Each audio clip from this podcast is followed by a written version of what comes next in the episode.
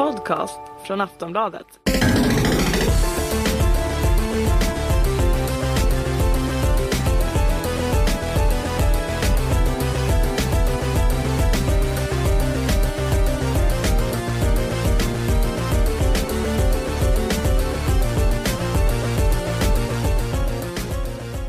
Du lyssnar på Nöjesbladets spelarpodd med mig, Alfred Holmgren. Kerstin Alex. Och Jonas Högberg. Idag är vårt tema framtidens spel, apropå den nya konsolgeneration som just har inletts och vad som egentligen väntar bortom den. Vi ska prata om vilka features framtidens konsoler kommer behöva för att överleva. För det är inte alla som tror att konsoler kommer finnas kvar efter den här generationen överhuvudtaget. Sen ska vi gå in på vilka trender i själva spelutbudet vi vill ska leva kvar eller dö ut. Vi ska dessutom granska det av många så hatade free to play-fenomenet. Och till sist kommer vi ta ett snack om framtidsvisionerna som rann ut i sanden. Kerstin, du är recensent på vår spela-sajt. Mm, precis. Vad spelar du själv just nu? Har du några tips till lyssnarna?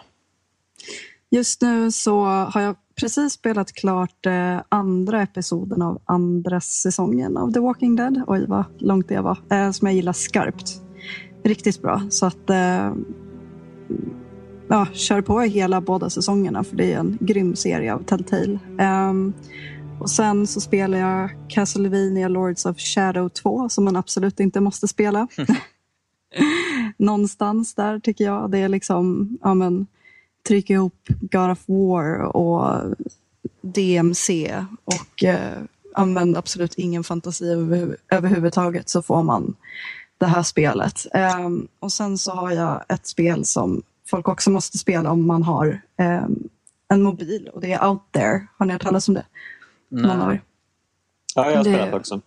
Ja, tycker du också om det? Eller? Ja, jag tyckte det var jättebra. Ja, det är verkligen så stämningsfullt. Eh, Man är en, eh, en eh, person som är långt, långt borta från jorden och så ska man försöka ta sig närmare via diverse planeter och varje besök kan vara ens sista. Liksom. Man vet aldrig riktigt. Så det är skitbra. Ja men schysst, härligt med lite tips och eh, en varningstriangel där för Castlevania eh, Ja. som väntat får man väl säga.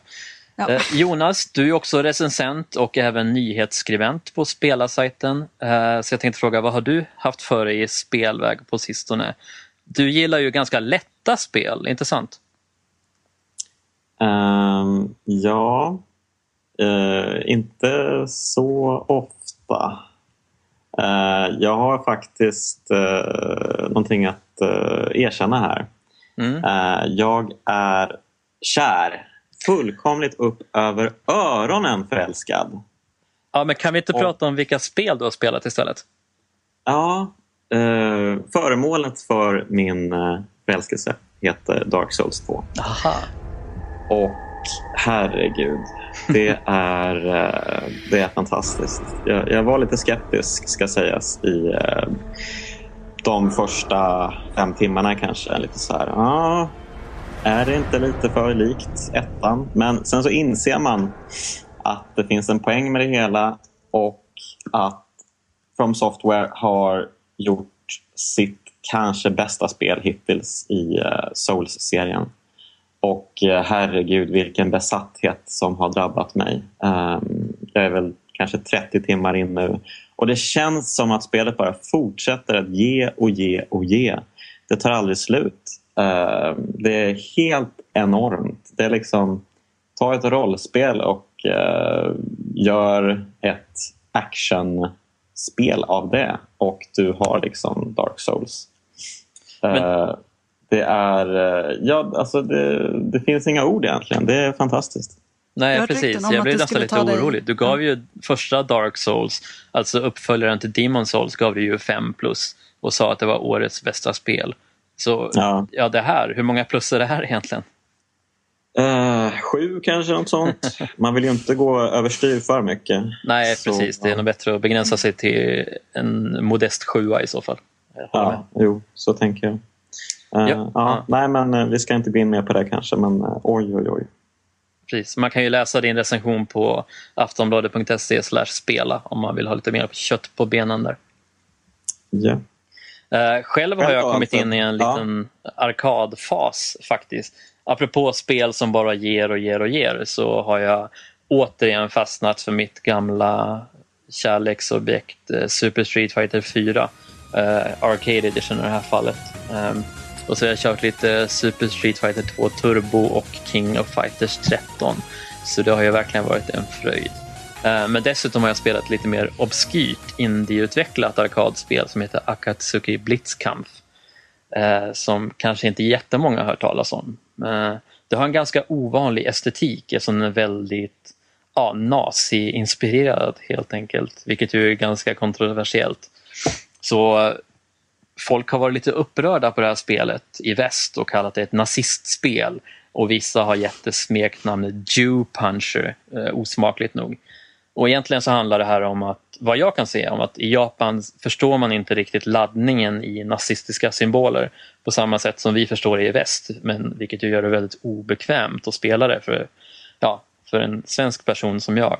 Eh, men tack och lov är det inte så himla roligt fightingspel heller jämfört med de jag nämnde förut. Så att, ja, jag klarar mig nog utan de moraliska dilemman det presenterar för mig eh, i fortsättningen.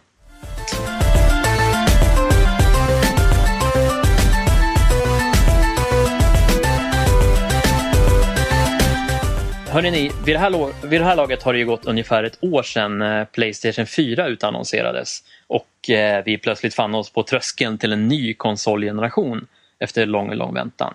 Och Det finns ju mycket positivt man kan säga om det men personligen blev jag ganska besviken på att de nya konsolerna rent hårdvarumässigt visar sig vara så konservativa. Om man bortser från Wii U som ju bara är helt obegriplig. Alltså jag trodde snarare att Sony och Microsoft skulle röra sig bortom Move och Kinect till ännu flashigare inmatningsmetoder så att säga. Istället för att mer eller mindre återgå till helt vanliga handkontroller. Nu finns ju Kinect med men ja, inte i en så jätteframträdande roll alltid i spelen. Så jag tänker så här, om ni fick välja ett tillbehör eller någon annan innovation var som måste inkluderas med framtidens konsoler, vad skulle det bli? Uh, ja, jag gillar ju uh, handkontroller väldigt mycket. Uh, men när det gäller mer okonventionella kontrollmetoder så skulle jag vilja slå ett slag för bongotrummor. Mer, mer specifikt då eh, bongotrummorna som eh, Nintendo lanserade till GameCube. Eh, bongotrummor i plast. De användes eh, först och främst till ganska kast eh, musikspel som hette Donkey Konga. Men fick också spela huvudrollen i ett av de bästa plattformsspel jag någonsin har spelat. Det heter Donkey Kong Jungle Beat och jag blir alldeles varm i handflatorna av att bara tänka på det. Tänk om Nintendo hade lyckats ta över världen med bongotrummorna och inte Wiimoten. Vad mycket bättre våra liv skulle vara då. Eller hur? Jag minns ju våra vilda dueller där i spelrummet på, på vårt gamla jobb. När vi satt och körde det här bonusspelet när man skulle samla så många bananer som möjligt genom att banka så snabbt som möjligt på bongotrummorna. Mm. skräckblandad förtjusning med tanke på att det ledde till en del sveda och verk. Eh, men du får beskriva lite mer hur, hur styrde man egentligen det här spelet för de som inte har haft förmånen att spela det?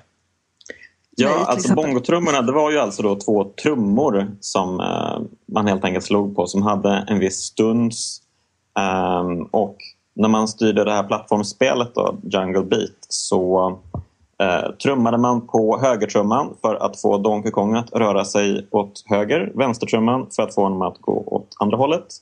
Eh, man slog till på trummorna samtidigt för att få honom att hoppa och eh, Det var väl egentligen allt. Och sen så, ja, Man kunde klappa händerna också. Det fanns en mikrofon i trumman. Som, eh, och så när man klappade händerna så eh, plockade man bananer som var i närheten. För i spelet så klappar eh, även Donkey Kong händerna. Så att han stå, gör en stor eh, liksom, ljudvåg som fångar upp bananer i, områ- i eh, om, sin omkrets. Eh, en stor grej var ju också då att det här spelet baserade sig på kombos väldigt mycket. Eh, och det fanns en bana som heter Cloudy Heights som man kan klara utan att nudda mark. Och det är en otrolig uh, achievement får man väl säga. Uh, som, uh, ja, det är en av de saker som jag är mest stolt över idag. Att jag faktiskt har klarat av den här banan. Och, Men är det liksom ett uh, plattformsspelens svar på Dark Souls? Ja, det skulle man absolut kunna säga eftersom det är en så knasig kontrollmetod. Och den är ju inte alltid helt eh, eh, klockren men det, det blir så otroligt taktilt. Det blir så otroligt... Eh, man, man, man liksom... eh, man får en, liksom en närvarokänsla i spelet med klappningen och trummandet som jag liksom inte riktigt erfarit på ett annat sätt. Eh, jag tyckte bongotrummorna var helt fantastiska och speciellt då eh, kombinerat med det här spelet.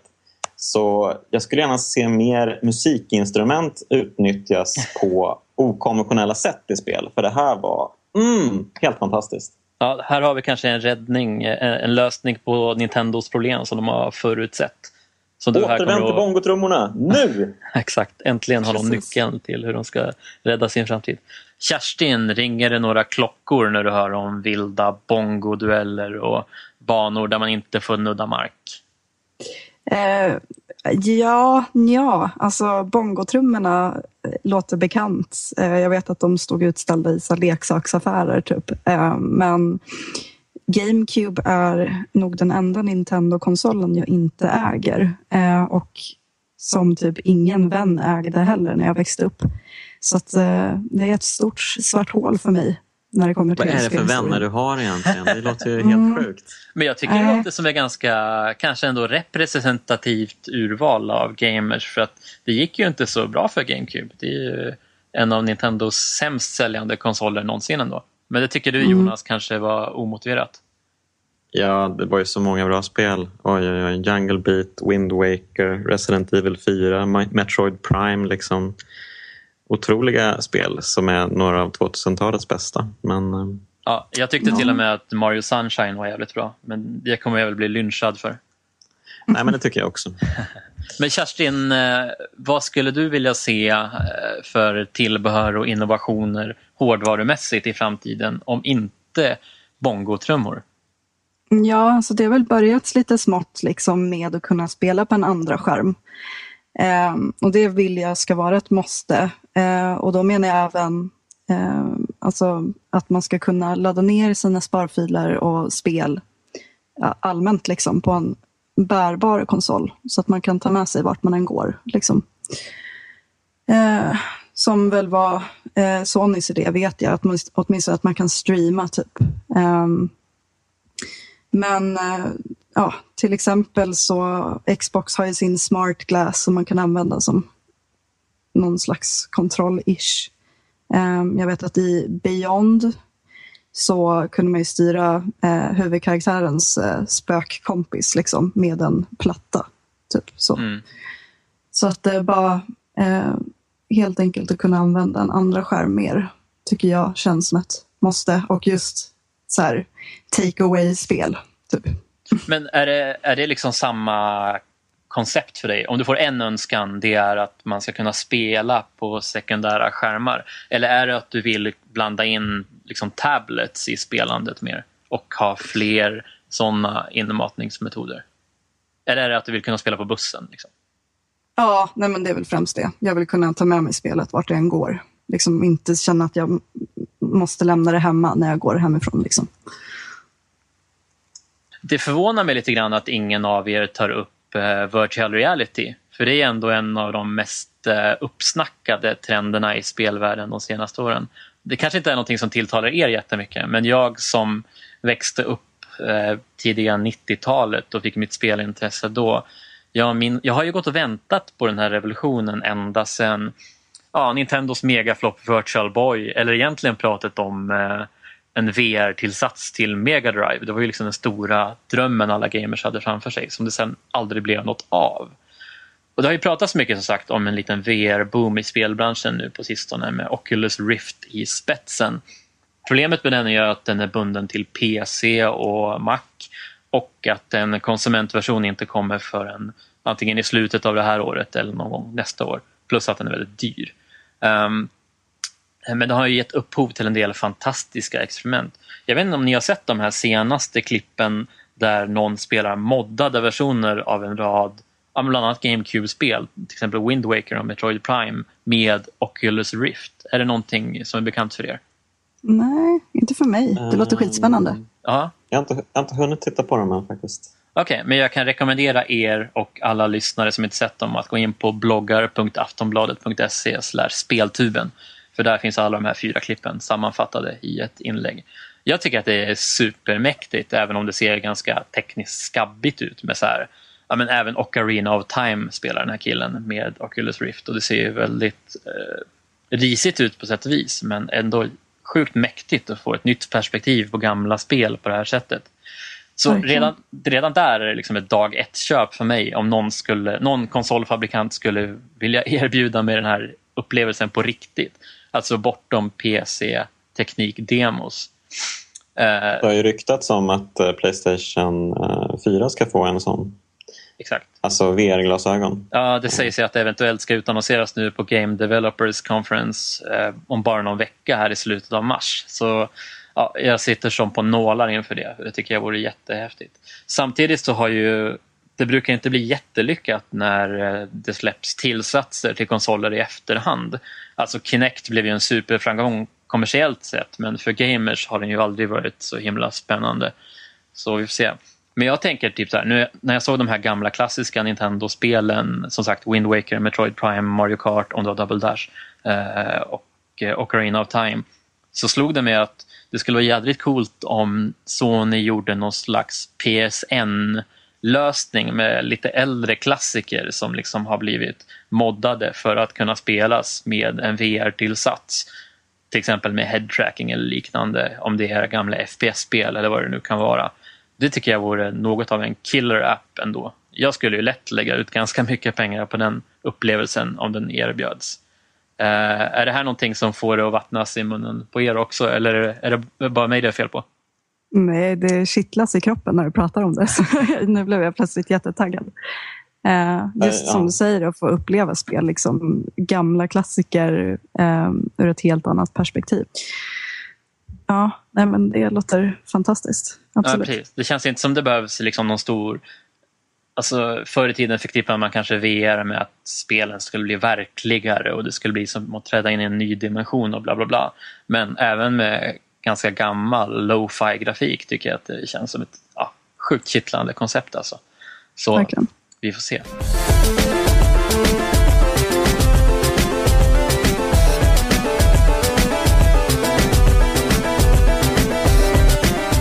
apropå det här med konsolgenerationer så är det ju en hel del bedömare och branschanalytiker som ju folk brukar vara ganska arga på. Men många av dem säger att eh, dagens konsolgeneration riskerar att bli den sista någonsin, dramatiskt nog. Eh, och som bevismaterial för de då fram eh, Steambox, den här väl eh, spel-PCn för vardagsrummet, Facebook-spel, appspel och andra så kallade hot mot de traditionella konsolerna. Eh, så jag undrar, hur ser ni på det här? Skulle ni spela vidare om det inte fanns några så att säga riktiga konsoler kvar? Mm. Ja, absolut. Ja. Jo, självklart. um, alltså, jag skulle bli jätteledsen uh, om konsolerna dog ut. Mm. Jag har ju liksom växt upp med dem. Um, princip nästan bara spelat konsolspel. Um, en liten eh, PC-period på slutet av 90-talet men eh, i övrigt så har jag nästan koncentrerat mig till PC, eller förlåt, konsoler. Men eh, nu, som det ser ut nu så är det ju faktiskt eh, på PC som liksom de, eh, de smarta utvecklarna dyker upp och släpper sina spel. Liksom. Alltså främst indieutvecklare som Papers, Please förra året och eh, dylika spel. Eh, det känns ju som att eh, de har riktat in sig på PCn för att det liksom är mer en öppen marknad och sådär. Ehm, så det känns väl... Alltså det skulle vara jättetråkigt att behöva överge tvn för, till förmån för den här lilla tråkiga PC-skärmen. Men eh, jag tror ju att spelupplevelserna kan komma att bli fantastiska. Kerstin, är du inne på samma spår? Skulle du spela vidare oberoende av konsolerna om de försvann helt plötsligt? Alltså jag är en konsolperson som har dragit mig från att spela till PC just för att jag inte gillar eh, mus och tangentbord. Men det är inget problem idag liksom, med att man kan koppla in handkontroller och så.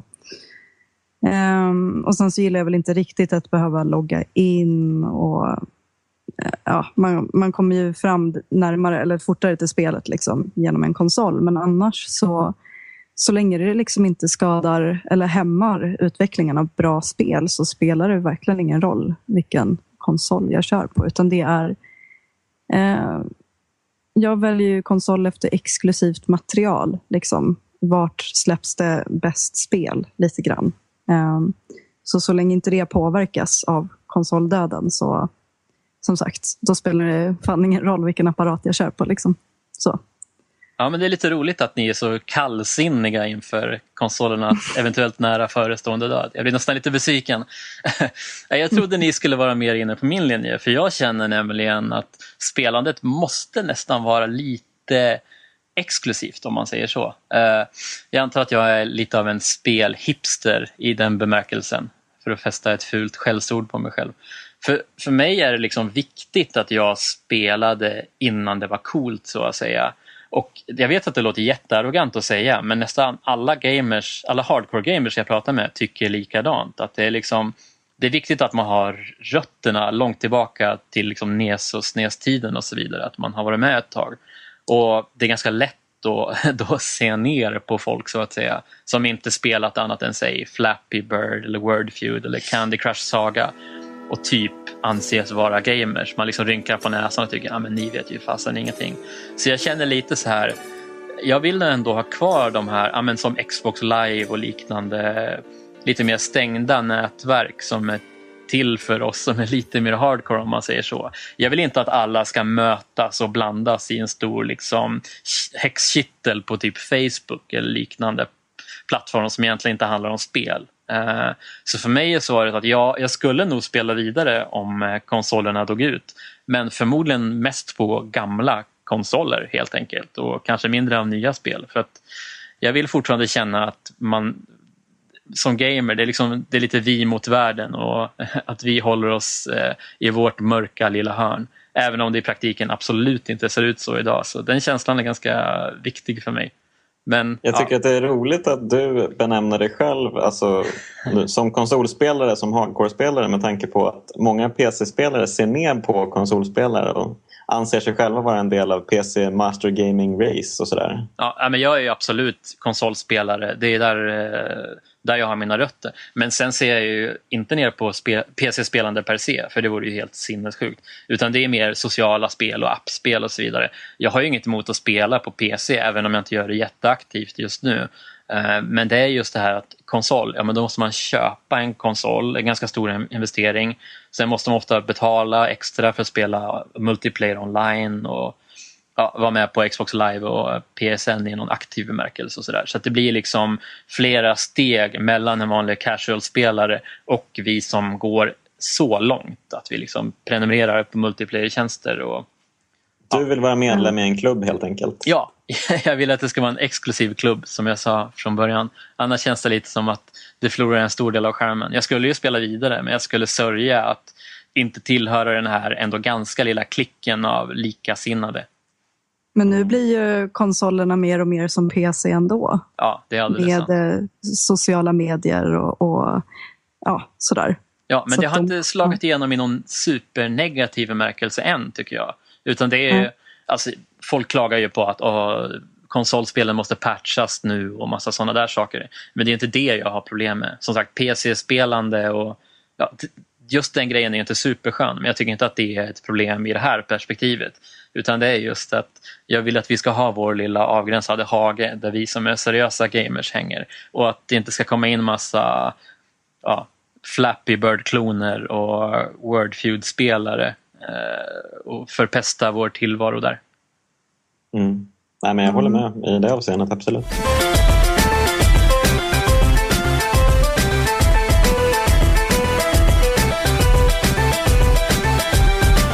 Om vi tittar på den här konsolgenerationen då som vi har varit inne i de senaste åren som inleddes med Xbox 360. Den har ju varit eh, extremt lång. Eh, inleddes redan i november 2005 när 360 kom och totalt förändrat hur spelutbudet ser ut. Det kanske främsta exemplet är ju att det tidigare faktiskt fanns andra genrer än FPS och tredjepersons action även om det låter som någon slags galen feberdröm idag. Så jag undrar, vilka strömningar under det senaste decenniet eller så vill ni, vill ni ska slå rot och fortsätta forma spelvärlden? Ja, um, jag tänker eh, det här med Twitch börjar ju bli en allt mer större del Um, det är ju liksom kopplat till Playstation 4 och det finns via PC och sådär. Folk som ser på när andra spelar. Men nu har man ju börjat använda Twitch till uh, andra, alltså att verkligen påverka spelen också. Undrar, har ni hört talas om uh, Daylight? Ja, absolut. Mm. Det är ett uh, survival horror-spel utan vapen. Då. En, en del av en trend som vi ju redan noterat i tidigare avsnitt. Mm. Um, men det som särskiljer det här spelet då är att det låter Twitch-publiken vara med och skapa själva innehållet. Det som spelaren får vara med om. Mm. De som tittar på har alltså möjligheten att skriva in enkla kommandon som miau och så hörs en katt jama i spelet och det kanske blir ett fruktansvärt eh, skräckögonblick för spelaren. Eh, varför det nu skulle vara eh, så läskigt. Ja, det Jag låter blodigissande, helt varm verkligen. om hjärtat. Men, eh, men precis, spelaren blir alltså utsatt för skräckmoment skapade av tittaren. Och jag tycker att det låter helt fantastiskt. Inte nog med att spel redan är liksom interaktiva ehm, för själva spelaren och nu adderas liksom ytterligare ett lager av interaktion ehm, med en publik också. Och det är ju jätteintressant. Och snackar vi Twitch så finns det ju ett annat exempel också. För några veckor sedan så startade ju någon austral australiensisk eh, snubbe, tror jag, som hade ett, startade program via Twitch eh, där folk kunde komma in och spela Pokémon tillsammans. Eh, han hade satt upp en emulerad version av spelet tillsammans med ett program som alltså folk kunde skriva in upp, ner, fram, liksom vänster, höger och B och A. Alltså alla de knappar som finns på handkontrollen och därmed tillsammans co-op-spela Pokémon. Och eh, ja, alltså det var ju helt jättekonstig grej. Eh, och till slut så hade man då varv, varvat det första Pokémon och nu har man fortsatt med eh, det följande spelet. Jag vet inte vad man ska kalla det. Random co-op? Eller Ja, kanske... eller så här crowdsourcing eller någonting. Men hur, jag förstod inte riktigt hur det där funkade i praktiken. Om 15 000 spelare skriver höger och 15 000 skriver vänster, vad händer då? Jag tror att i början så var det, alltså det var bara ett random moment. att Det blev ju liksom, det gick inte att koordinera egentligen. Nej. Men jag tror att i en senare version så har man lagt in någon sorts demokratiläge så att man fick rösta då vilken fun- funktion som skulle matas in och sådär. Så det, ja, jättemärkligt men också otroligt intressant. Jag tror faktiskt att eh, det var några som testade det där med Street Fighter också. Jag kom just att tänka Ja. på, jag undrar hur det där skulle funka i ett spel som är snabbt som Street Fighter där man måste fatta liksom, massor av beslut per sekund. Om det skulle vara en demokratisk process istället. Men jag tror faktiskt att det finns att testa om man av någon anledning känner, som du Jonas, att det är här spelvärldens framtid ligger. Ja, Ja.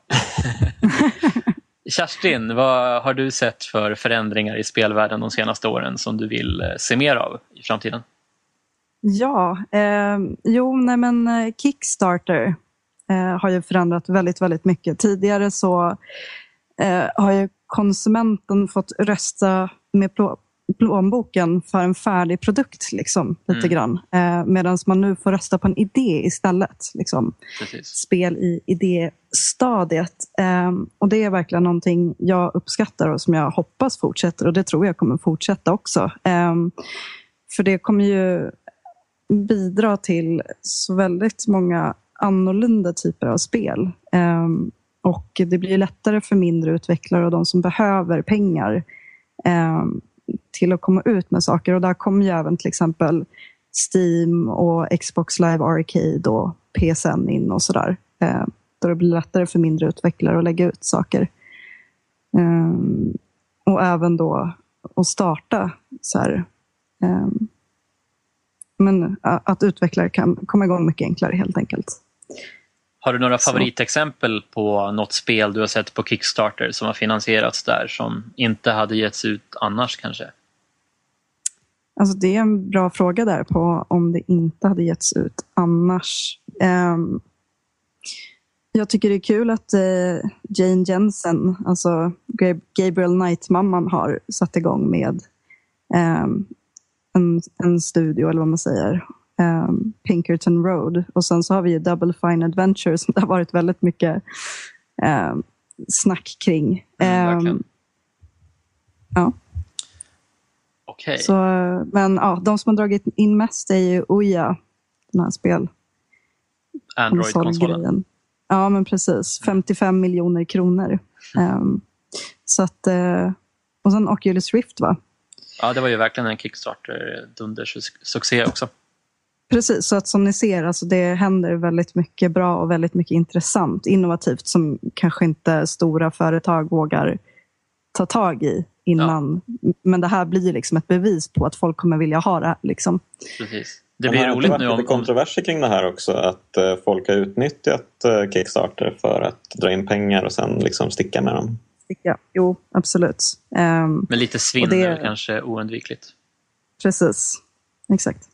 Men det är roligt tänkte jag säga om, eh, om det nu blir så att Sony släpper ett eget VR-headset. Att liksom, som du säger, publiken röstar med plånboken på idén på Kickstarter. Sen sveper Sony in som en hök och snappar Mm. upp den och gör den till sin egen och kapital, kapitaliserar på den. Det är en ganska rolig effekt av ja, marknaden in action enligt de nya spelreglerna i så fall. Men jag håller med om att det kan ju verkligen leda till en spännande och förhoppningsvis mer mångfacetterad framtid då på, för, på spelmarknaden. Men om vi kollar på skuggsidan av vad som har hänt under den senaste generationen. Vilka trender och innovationer eller vad man nu vill ta upp för exempel vill ni ska utrotas helt och hållet? Jonas, har du någonting du har stört dig särskilt mycket på? Uh, ja, jag tänkte på det när jag körde nya Thief-spelet. Det är den här Supervision, eller vad man ska kalla det. Den här som finns med i typ uh, alla spel nu för tiden. Batman, Arkham Asylum, finns i Assassin's Creed också. Det här att man eh, får upp en sorts röntgensyn över eh, uh, världen och kan se alla intressanta saker som till exempel vakter, eh, guld som man kan plocka upp um, liksom fällor på marken. Jätte, jättekonstigt eh, om du frågar mig. Ehm, det är också ett steg i den här um, att eh, göra spelandet så, eh, vad ska man kalla det, icke-svårt som möjligt. Alltså, Ja, lätt kanske. Det är inte, vad sa du? Lätt kanske?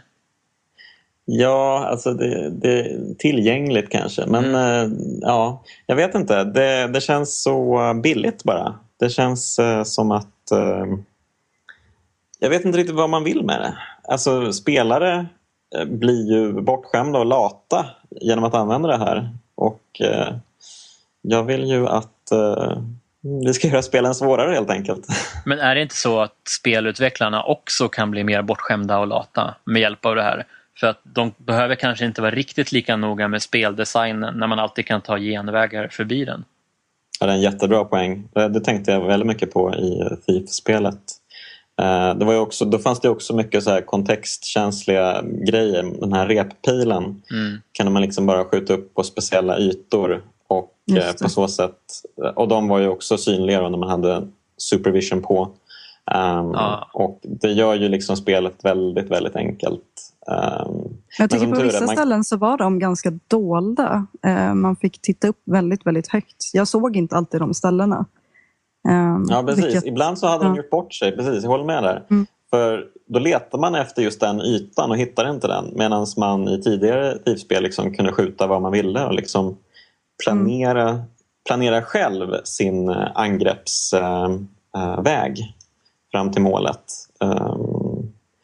Och här är man liksom eh, beroende av eh, speldesignen på ett annat sätt. Ja, Det- verkligen. Verkligen, håller med. Jag tycker det här är ett, ett intressant exempel på någonting som har hänt just den senaste generationen i spelbranschen.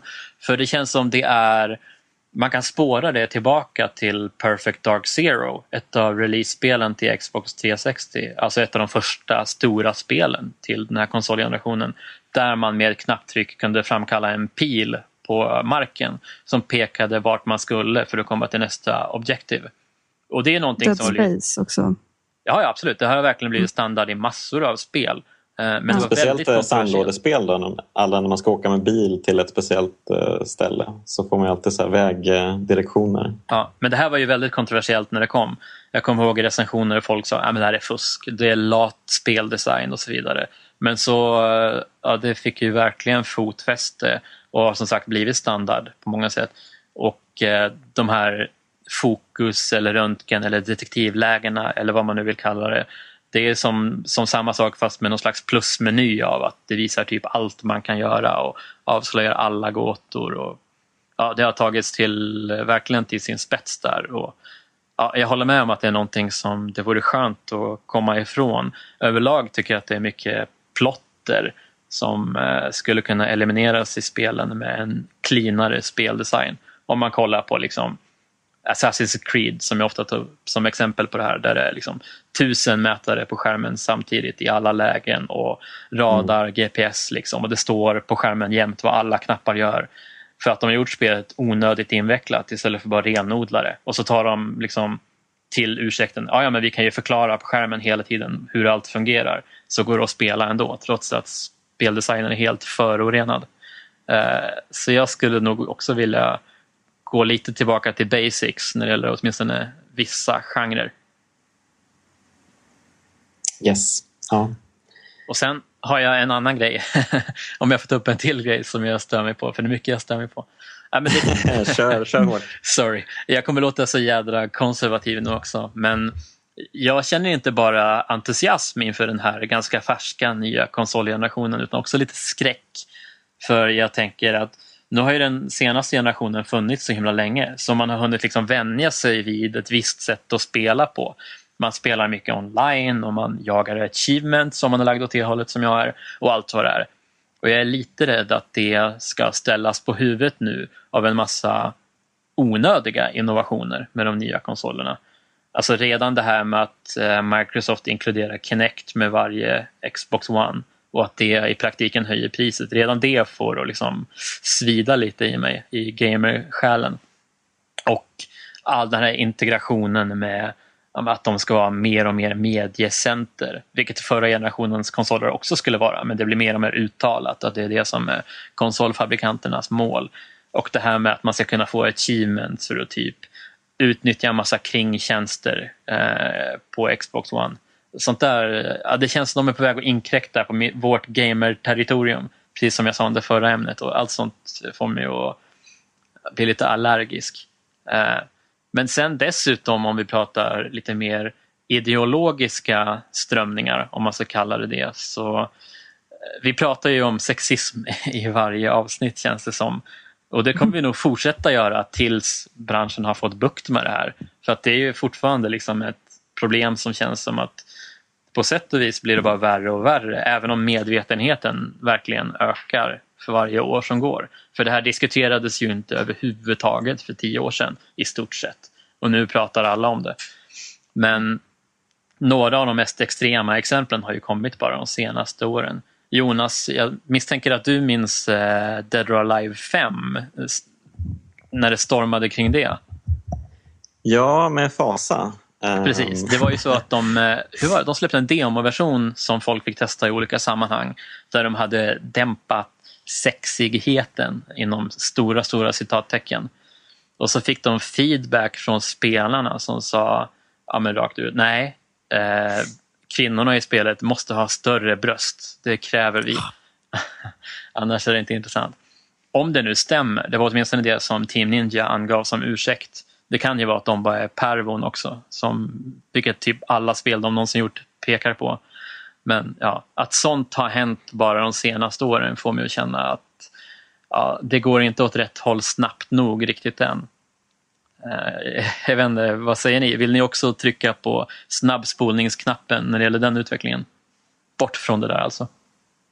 Ja, jo, men absolut det, det, känns ju fortfarande som att spelen är fångade i um, porrfilmsestetiken.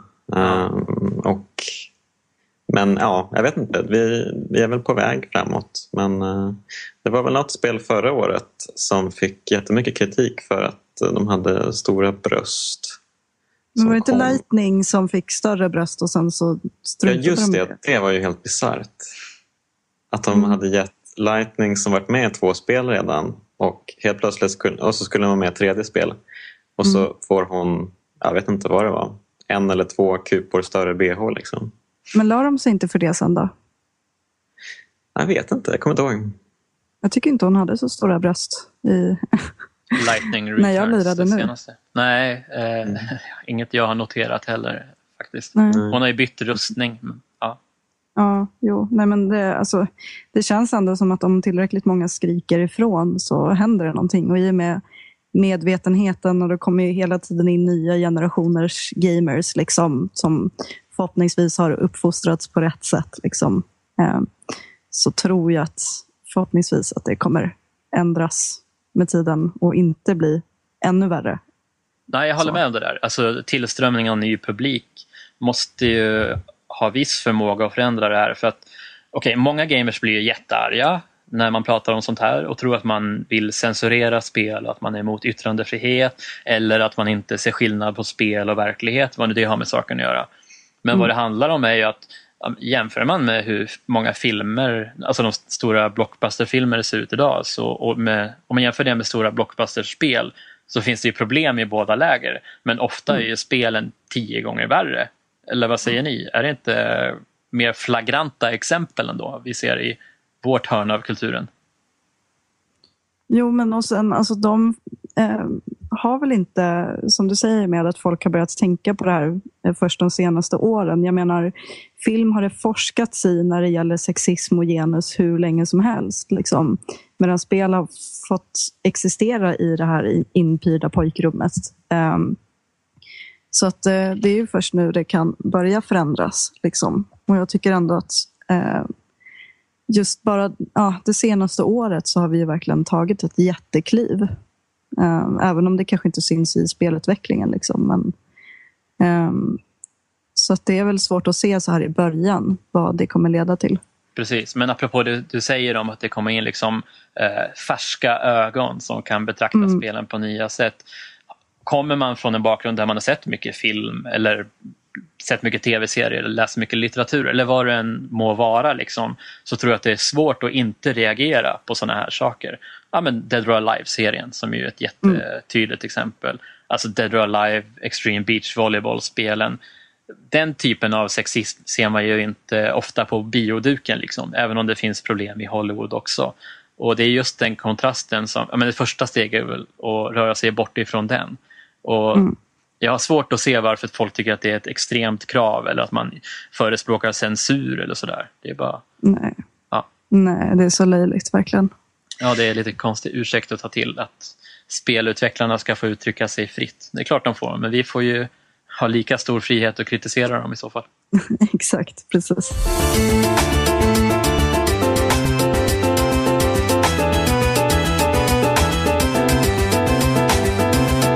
Hörrni ni, apropå kritik, så en av de mest hatade trenderna eh, de senaste åren bara är ju free to play-spelen. Och återigen inom jättestora citattecken, för free är de ju inte riktigt alltid. Poängen är ju att man ska betala för sin framgång. Eh, och det här har ju verkligen blivit en maktfaktor i spelvärlden. Bland annat tack vare svenska King och deras monstersuccé Candy Crush Saga. Eh, de omsatte 12 miljarder kronor i fjol, King. Mycket tack vare eh, just Candy Crush Saga. Men den här succén har ju en eh, skuggsida också. Det finns vissa spelare som bränner tusentals kronor på återigen de så kallade free to play-spelen för att få olika bonusar och eh, göra snabbare framsteg. Och en del säger att det är lika svårt beroende att göra sig av med som om man var beroende av knark. Eh, vår kollega Peter Ottsjö skrev ju på Aftonbladets spelsidor häromveckan att free to play-spel lurar folk på pengar och har lika stort kulturellt värde som en Jack Vegas-automat. Eh, dessutom påpekade han att EU-kommissionen nu kräver att spel som möjliggör inköp inte ska få kalla sig free med anledning av att de orsakar citat konsumenter ekonomisk skada. Och dessutom har Apple fått betala 225 miljoner kronor i skadestånd till föräldrar vars barn bränt pengar i så kallade gratisspel. Och det är ganska tydligt att spelföretagen inte kommer överge en så lukrativ genre självmant. Titta bara på ja, men nästan alla stora utgivare, inklusive EA och så vidare, experimenterar ju med free to play och tycker att det är jättespännande. Så tycker ni att det här är någonting som det är motiverat att i, ett extremfall lagstifta bort istället? Ja, alltså jag är livrädd för eh, free to play. Det verkar ju som att även de eh, stora spelföretagen har börjat använda sig av det i större utsträckning i konsolspel och eh, det kommer väl bara bli mer, mer och mer vanligt. Uh, och uh, jag hatar skiten. Det är liksom djävulens påfund. Um, det var väl ungefär vad EU-kommissionen sa också? Direkt citat. Jo, jag tog, ja, den, där, den där nyheten uh, jublade jag verkligen åt. Mm. för att jag menar, det, det, är jättemärkligt att det, det heter Free to Play. Den borde byta ut titeln till spend, spend all you have eller något liknande. Um, jag menar, free to try. Free, free to ja. try, ja det kanske, ja. ja. Mm. Men det låter så oskyldigt om man kallar det det. Som att det är demo liksom. Precis. Jo, men, free to try alltså... not to spend your money. Sorry. Mm. Ja, men gratis låter ju hundra gånger av hundra bättre än en, två, tre, fyra, fem eller 500 kronor. Så mm. Um, folk kommer ju alltid bli frestade att uh, testa ett gratis spel. Men uh, man, måste, man måste upplysa helt enkelt vad det egentligen handlar om. Precis, och det är där vi kommer in i bilden. Kerstin, är du inne på samma spår som Jonas här? Alltså jag tycker det är en fullkomligt rutten teknik. Liksom. Eh, jag menar, ta i alla fall spel där man inte ens kan komma vidare. Eller så här, ja, du måste vänta i fyra timmar för ja, att... Eh, ja, Dungeon Keeper till exempel, mm. EOS eh, skitspel. Ja, som um, blev väldigt avskytt ja.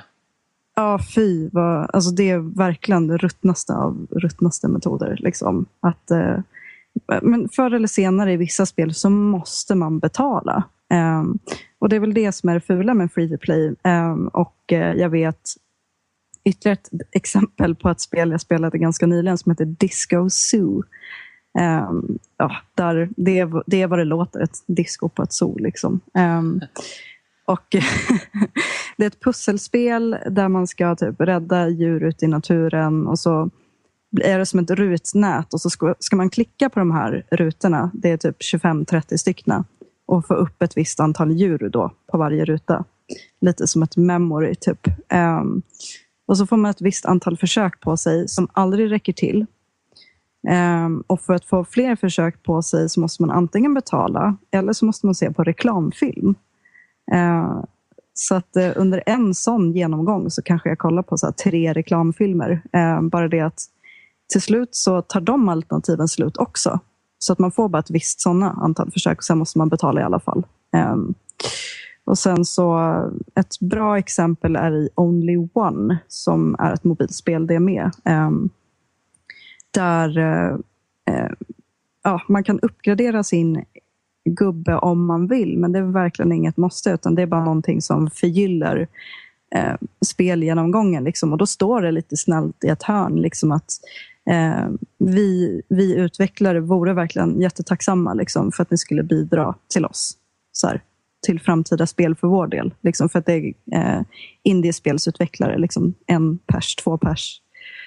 Um, så det är ett bra alternativ där, där um, det inte påverkas. Att man inte känner att man måste öppna upp, men att man kanske kan göra det för att göra en bra sak. Liksom. Okej, okay, det kanske hade varit en eh, praktisk, pragmatisk medelväg då i en perfekt värld där spelföretagen inte var på jakt efter maximal vinst i alla lägen. Typ.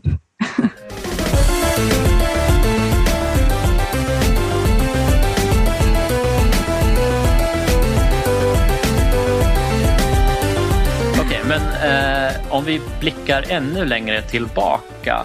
Eh, vi har ju pratat om olika framtidsvisioner i det här avsnittet. Det har ju förekommit en hel del sådana genom åren i spelbranschen. Många stora satsningar som hypats men som kanske runnit ut i sanden i, i vissa fall. Så vilka galna och lustiga tillbehör, spel och genrer och liknande som lanserats genom åren som spelvärldens framtid eh, minns ni än idag? Och finns det några ni liksom skäms över att ni faktiskt trodde på själva?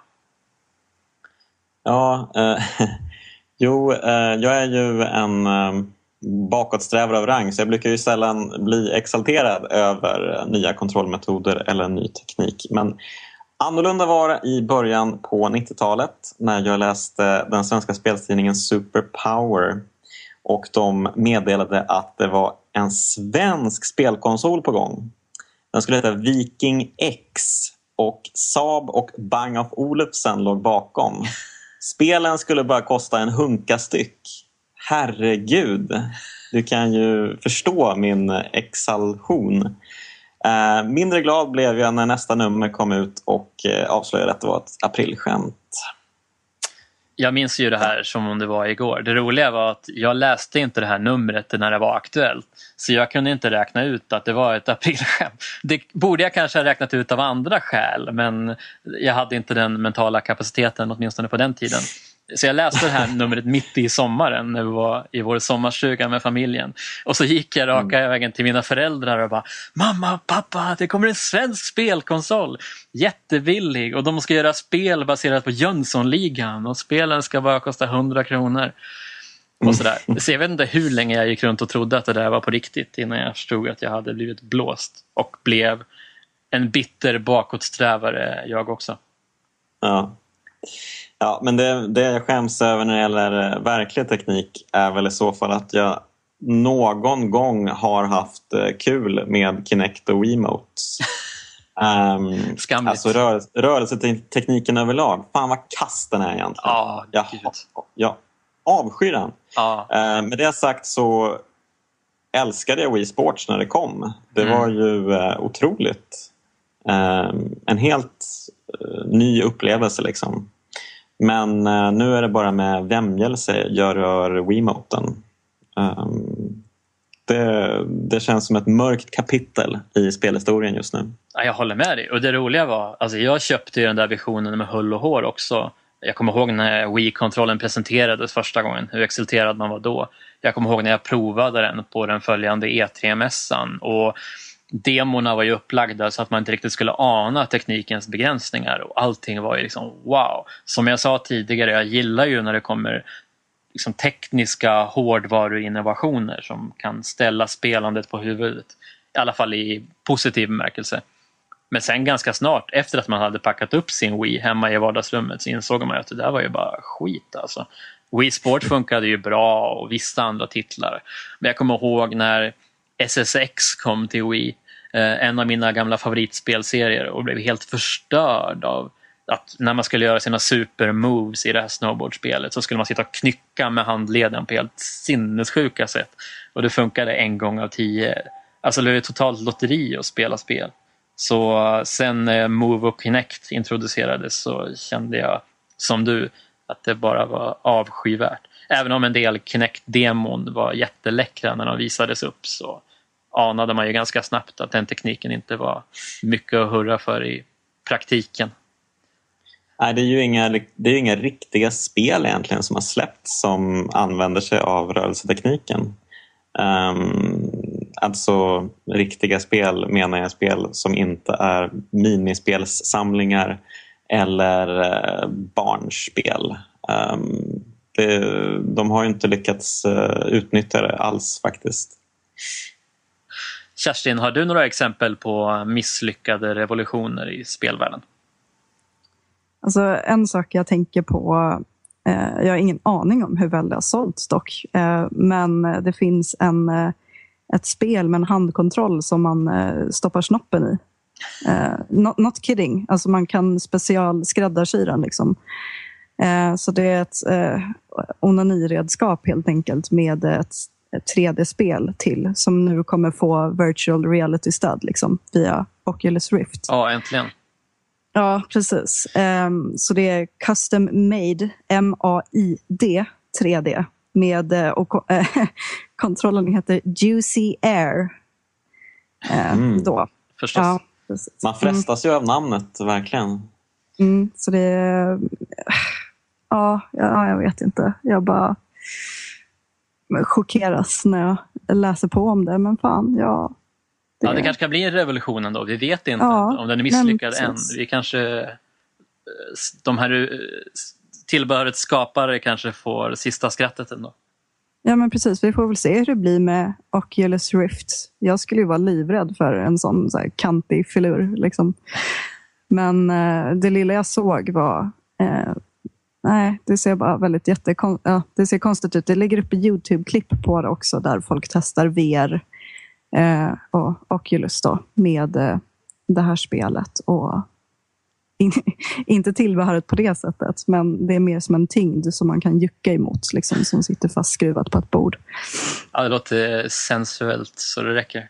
Ja, precis. Okej, okay, men vi kan kanske lämna det därhän och de som känner sig jättesugna på att se mer kan ju kolla upp det här på Youtube då. Precis. Eh, jag testade en grej för några år sedan som jag tyckte var väldigt häftig, som jag trodde skulle bli en liten revolution av något slag. Och det är en kontroll som heter Novint Falcon. Ja, kontrollen heter Falcon och företaget, företaget heter Novint. Eh, det är liksom en bjässe till kontroll som man ställer på skrivbordet bredvid datorn. Och så håller man i en liten boll kan man säga som är monterad på några robotarmar som kan göra motstånd. Jag förstår att ni kanske inte får upp en glasklar bild framför er när ni hör det här men googla Falcon Game Controller eller någonting så får ni säkert fram eh, tydligare bilder. Eh, grejen med den här Falcon var då att man skulle kunna kontrollera objekt i 3D. Den här lilla bollen som sitter fast på kontrollen går alltså att manövrera i sidled, höjdled och djupled. Eh, jag testade Falcon för länge sedan och då körde jag svenska skräckspelet Penumbra där man i själva spelvärlden stod i ett rum och plockade upp en pryl. Jag kommer inte ihåg vad det var, om det var en bok eller någonting. Och när man rörde den här lilla bollen på Falcon-kontrollen fram och tillbaka så speglades ens rörelser liksom exakt i spelet. Om jag förde bollen i sidled så fördes bo boken i sidled på skärmen. Och när det var någonting i vägen för eh, boken i spelet, typ om jag försökte föra den framåt men det var en vägg i vägen, så låste sig kontrollen för att liksom markera att nej, du kan inte röra din hand framåt i den här 3D-världen. Och dessutom kunde den här kontrollen simulera vikt och texturer och en massa annat. Så jag tyckte det var supercoolt och jag tänkte att det här kommer vi få se mycket mer av i framtiden. Och så istället fick vi de pissiga jävla Move och Kinect. Så jag känner mig lite blåst på konfekten där. Men du, det tillsammans med Oculus Rift?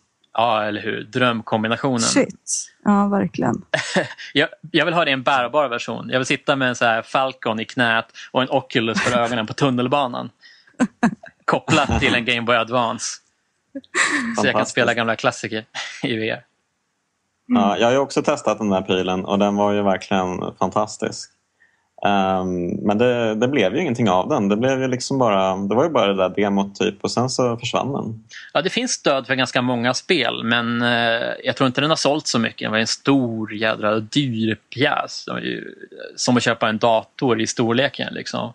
Så mm. jag tror mest det finns uh, stöd för lite äldre spel vid det här laget. Jag vet inte hur många som uh, uppdateras med Falcons stöd. Och det är ju verkligen ingen säljpunkt för några spel numera. Så det är lite mm. tråkigt. Det rann ju verkligen ut i sanden. Även om den finns kvar och företaget lever och sådär. Men mm. eh, en lite mer spektakulär krasch då är ju den här på sätt och vis svenska konsolen Gizmondo, om ni minns den. Oh ja, oh ja. den eh, glömmer man inte första taget. Nej, den är jättesvår att förtränga även om man gärna skulle vilja det när man väl har hört talas om den. Alltså det var ju en extremt avancerad för sin tid eh, bärbar konsol som hade eh, liksom GPS och sms, bluetooth, det hade en ganska avancerad kamera. Eh, och den släpptes för att konkurrera med Nintendo DS och Sony PSP av ett brittiskt företag som styrdes av ett gäng svenskar varav några var dömda för väldigt grova brott tidigare och tjänat långa fängelsestraff. Och de var kända som Uppsala-maffian. Eh, och det gick ju som det gick för den här konsolen. Den sålde i mindre än 25 000 exemplar. Eh, och företaget bakom Gizmondo gjorde ju miljardförlust. Samtidigt som eh, cheferna på företaget, varav flera då var kriminellt belastade, drog hem liksom multimiljonbonusar Eh, samtidigt som företaget blödde pengar. Så jag vet inte vad motiven var bakom den här satsningen egentligen. Men eh, det slog ju inte rätt ut för de stackare som köpte den i alla fall.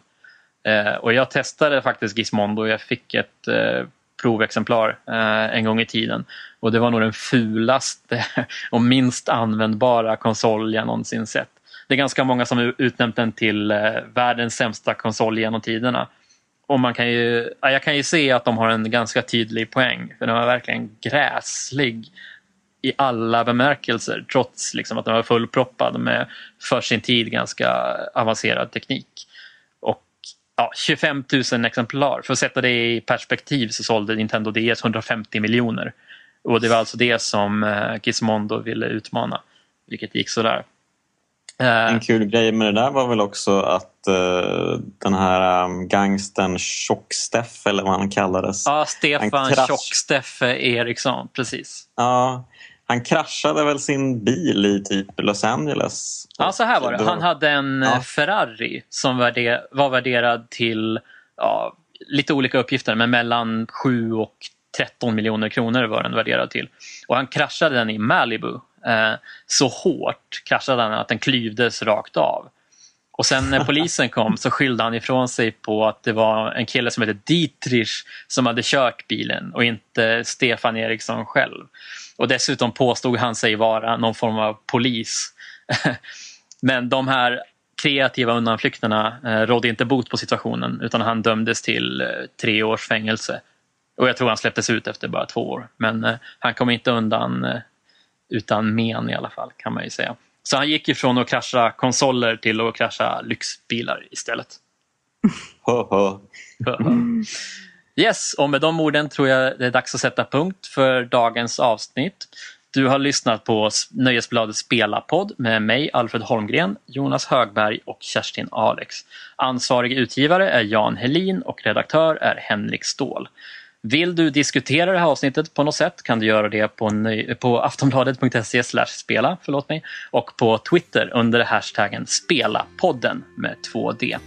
Och eh, vi hoppas att ni vill höra av oss igen om ett par veckor. Ha det bra så länge! Link, here come to town Come to save the princess Zelda